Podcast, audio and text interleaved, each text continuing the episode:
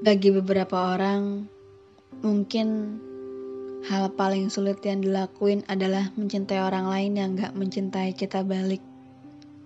Gimana? Kalian gitu juga gak? Tapi ya kalau menurut saya, hal yang paling sulit itu mencintai diri kita sendiri. Di podcast beberapa waktu lalu tentang definisi bahagia, saya pernah bilang kalau ternyata semakin lama, arti bahagia semakin mengikuti pola usia. Jadi kenapa saya tiba-tiba random pengen bahas ini? Anggaplah podcast hari ini temanya tentang self love. Jadi beberapa waktu lalu saya sempat lihat salah satu instastory teman lama saya yang ngebahas soal self love dan saya setuju betul atas apa yang ditulis di situ. Kadang kita sebagai manusia terlalu sering belajar mencintai orang lain. Belajar menghargai orang lain, jadi pendengar untuk orang lain. Pokoknya apa pun tentang orang lain sampai tentang diri sendiri, kita lupa porsinya udah cukup atau belum.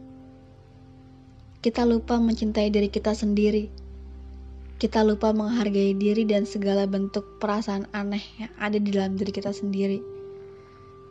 Kita terlalu sibuk untuk memahami isi kepala orang lain sampai lupa untuk memahami isi kepala sendiri. Dan hal lain yang ngebuat saya mendadak pengen bahas ini adalah kalau saya belum lama ini ngerasa seneng banget karena saya lihat udah banyak teman-teman saya atau orang terdekat saya melakukan hobi atau sesuatu yang mereka suka. Dan bahkan gak jarang dari mereka yang dengan berani dan bangga menunjukkan bakat mereka ke publik. Karena kalau boleh jujur, itu menurut saya bentuk reward paling mahal buat diri sendiri. Jadi seperti yang pernah saya bilang, saya suka nulis itu sejak SD, tapi baru serius banget pas SMP. Nah, Dulu tuh saya selalu nulis di halaman belakang setiap buku pelajaran. Makanya nggak jarang beberapa guru marah. Karena apa yang saya tulis suka nggak berhubungan sama mata pelajaran yang dikasih. Bahkan dulu ya di buku tulis matematika saya, setengah buku berisi rumus matematika dan setengahnya lagi berisi tulisan-tulisan cerita pendek yang saya buat saat lagi jam kosong. Dulu juga, waktu belum jadi kayak sekarang, nggak pernah tuh ada yang suka atau bahkan mau baca tulisan saya. Seringnya saya dibilang tukang galau, tukang ngayal. Karena tulisan saya tadi nggak mencerminkan anak kecil yang masih berumur 13 tahun. Dulu pokoknya tuh parah banget deh. Saya bahkan pernah hampir mau nyerah dan berhenti buat nulis. Hanya karena saya ngerasa kalau kayaknya emang gak ada yang suka deh sama tulisan saya. Iya, saat itu saya ngerasa saya pengen banget gitu ada yang baca dan suka sama tulisan saya. Ada yang bisa hargain tulisan saya. Sampai saya lupa tujuan awal saya nulis itu buat apa sebenarnya.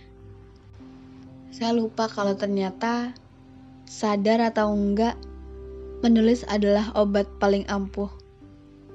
Karena mungkin teman-teman dekat saya tahunya saya tuh orangnya rame, berisik, banyak omong. Ya mungkin benar tapi sebenarnya saya tuh pemalu banget. Gak gampang buat terbuka sama orang baru. Apalagi untuk menceritakan soal apa yang lagi saya rasain. Karena menurut saya, berbagi cerita atau kesedihan sama orang lain itu gak selalu bisa meringankan beban kita. Tapi justru malah jadi memba beban yang ada. Sampai akhirnya saya menjadikan menulis sebagai tempat pelarian. Makanya saat tahu teman-teman saya udah mau nunjukin hasil karya yang mereka punya ke publik, sekecil apa pun itu akan saya hargai. Menurut saya, dengan mereka udah bisa menghargai diri dan karya mereka sendiri, nggak akan sulit orang lain untuk bisa menghargai karya mereka. Sama halnya kayak cinta. Beberapa orang tuh suka lupa mereka selalu nanya, Gimana caranya supaya orang yang mereka suka bisa punya perasaan yang sama kayak mereka? Padahal jawabannya ada di diri mereka sendiri. Mungkin akan sulit untuk dimengerti, nggak apa-apa. Pelan-pelan aja dipahamin ya. Karena jujur, saya dulu juga nggak percaya sama hal kayak gini. Sampai akhirnya semesta memberikan bukti yang cukup nyata buat saya.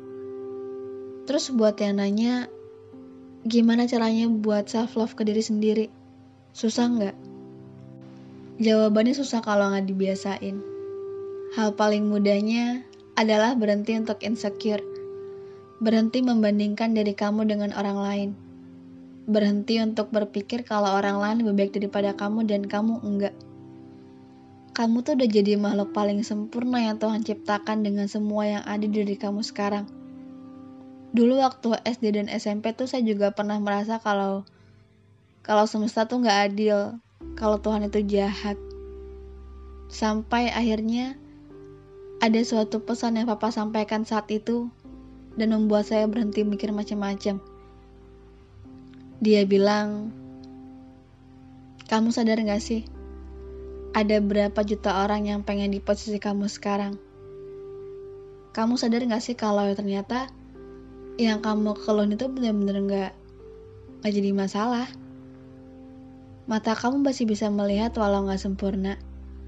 Kan bisa pakai kacamata. Di luar sana, banyak orang yang bahkan benar-benar kehilangan jatah untuk lihat dunia yang indah. Tuhan juga masih baik karena memberikan kamu sepasang kaki, tangan, telinga. Di luar sana banyak orang yang bahkan cuma punya satu bagian aja. Makanya kayaknya bukan Tuhan yang jahat, bukan semesta yang gak adil, tapi kamu. Kamu yang jahat dengan selalu bandingin apa yang kamu punya dengan orang lain. Kamu yang gak pernah bisa adil sama diri kamu sendiri. Ucapan papa waktu itu bener-bener kayak... Kayak apa ya? Kayak nampar keras saya dan dan maksa saya buat bangun dari mimpi buruk yang saya buat selama ini. Oke, balik ke topik tadi.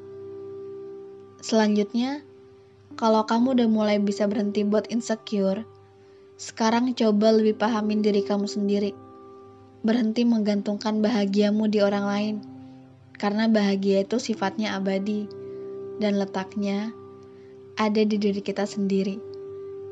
Dimulai dari menerima semua perasaan sedih, marah, kecewa dengan lapang dan biarin dia di sana selama beberapa waktu.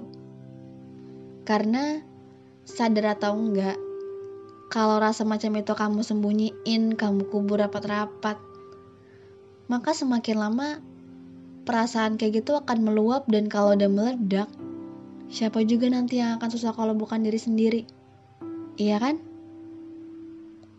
Hmm, terus sebagai reward karena kamu udah mulai bisa menghargai perasaan kamu sendiri, coba deh sebelum tidur kamu tanya ke diri sendiri. Jangan kira kamu udah gila. Karena sebenarnya cara kayak gitu tuh worth it banget.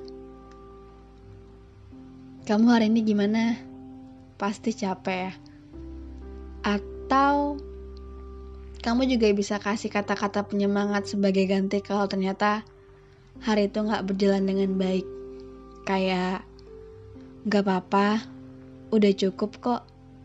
Kan nggak semua hal bisa berjalan sesuai dengan kemauan kita.